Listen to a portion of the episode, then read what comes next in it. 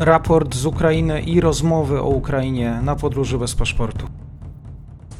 Dzień dobry wszystkim słuchaczom. 19 dzień inwazji Rosji na Ukrainę. Moim gościem jest Michał Marek z Fundacji Centrum Badań nad Współczesnym Środowiskiem Bezpieczeństwa. Podsumowanie, co się działo w nocy, a o czym powinniśmy wiedzieć. Dzień dobry, witam serdecznie. Więc tak, zarówno noc, jak i e, wczorajszy dzień przejawił się przede wszystkim potężnymi bombardowaniami obiektów e, cywilnych i wojskowych. Doszło do zbombardowania w dniu wczorajszym lotnisk e, na przykład w, Kirow, w okolicach Kirowohradu. Doszło do zniszczenia e, centrum e, na poligonie w Jaworowie. E, jeżeli chodzi o obiekty cywilne, to zarówno w nocy, jak i właśnie w, godzin, jak w, dniu, w dniu wczorajszym doszło do poważnych uderzeń rakietowych na Żytomierz, na, przepraszam, na miasta znajdujące się w obwodzie żytomierskim, miasta w obwodzie ługańskim.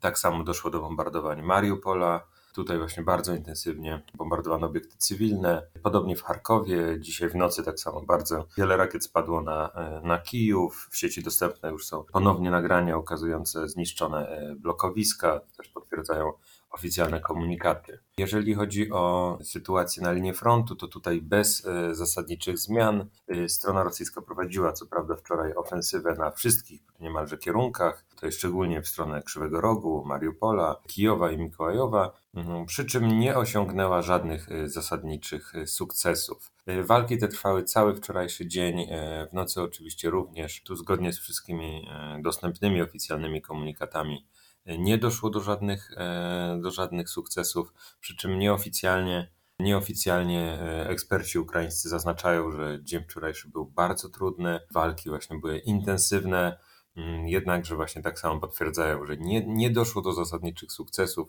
Tutaj, jeżeli Rosjanom udało się coś osiągnąć, to mowa o pojedynczych e, miejscowościach, pojedynczych wsiach, e, co nie wpływa na zasadniczą sytuację. Tak samo podkreśla się, że obecnie Rosjanie koncentrują się e, również na umocnieniu zajętych pozycji, w celu odparcia potencjalnego ukraińskiego kontrataku. To pojawiały się informacje o tym, że strona ukraińska przeprowadziła, czy miała przeprowadzić kontratak w stronę Mariupola.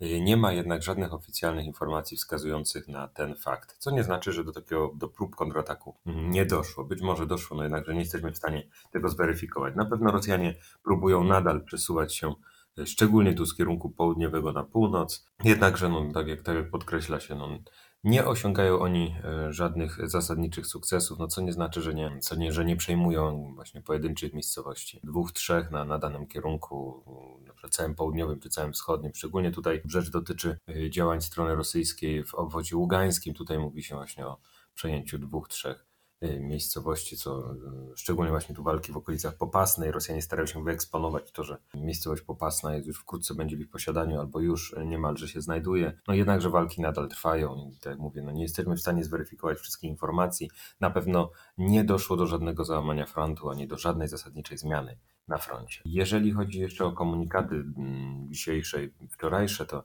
strona ukraińska ponownie zwraca uwagę na to, iż możliwym jest e, przeprowadzenie przez Rosjan desantu morskiego w obwodzie odeskim. Jak zaznacza się w komunikatach, jednak no, ryzyko to istnieje cały czas i to nie znaczy, że w tym momencie e, ma dojść do tego desantu. Jednakże no, ponownie strona ukraińska odświeża ten wątek, tak istnieje to ryzyko. Tak samo strona ukraińska eksponuje, że jest gotowa do obrony. Jeżeli chodzi o sferę informacyjną, jednym z kluczowych kierunków y, działań y, rosyjskiego aparatu dezinformacyjnego pozostanie, pozostaje kreowanie skrajnie negatywnego obrazu Ukraińców. Tutaj Kreml stara się skonsolidować swoje społeczeństwo wokół wroga, który nie tylko odpowiada za śmierć bohatersko walczących Rosjan, lecz grozi atakiem chemicznym, a nawet rzekomo rozstrzeliwuje całe grupy cywili. I właśnie wczoraj Rosjanie tu skoncentrowali się na eksponowaniu informacji o rzekomym odnalezieniu masowych pochówków ludności cywilnej. No, przekaz ten nie jest niczym nowym i tego rodzaju treści dezinformacyjne pojawiały się już od 2014 roku, przy czym no,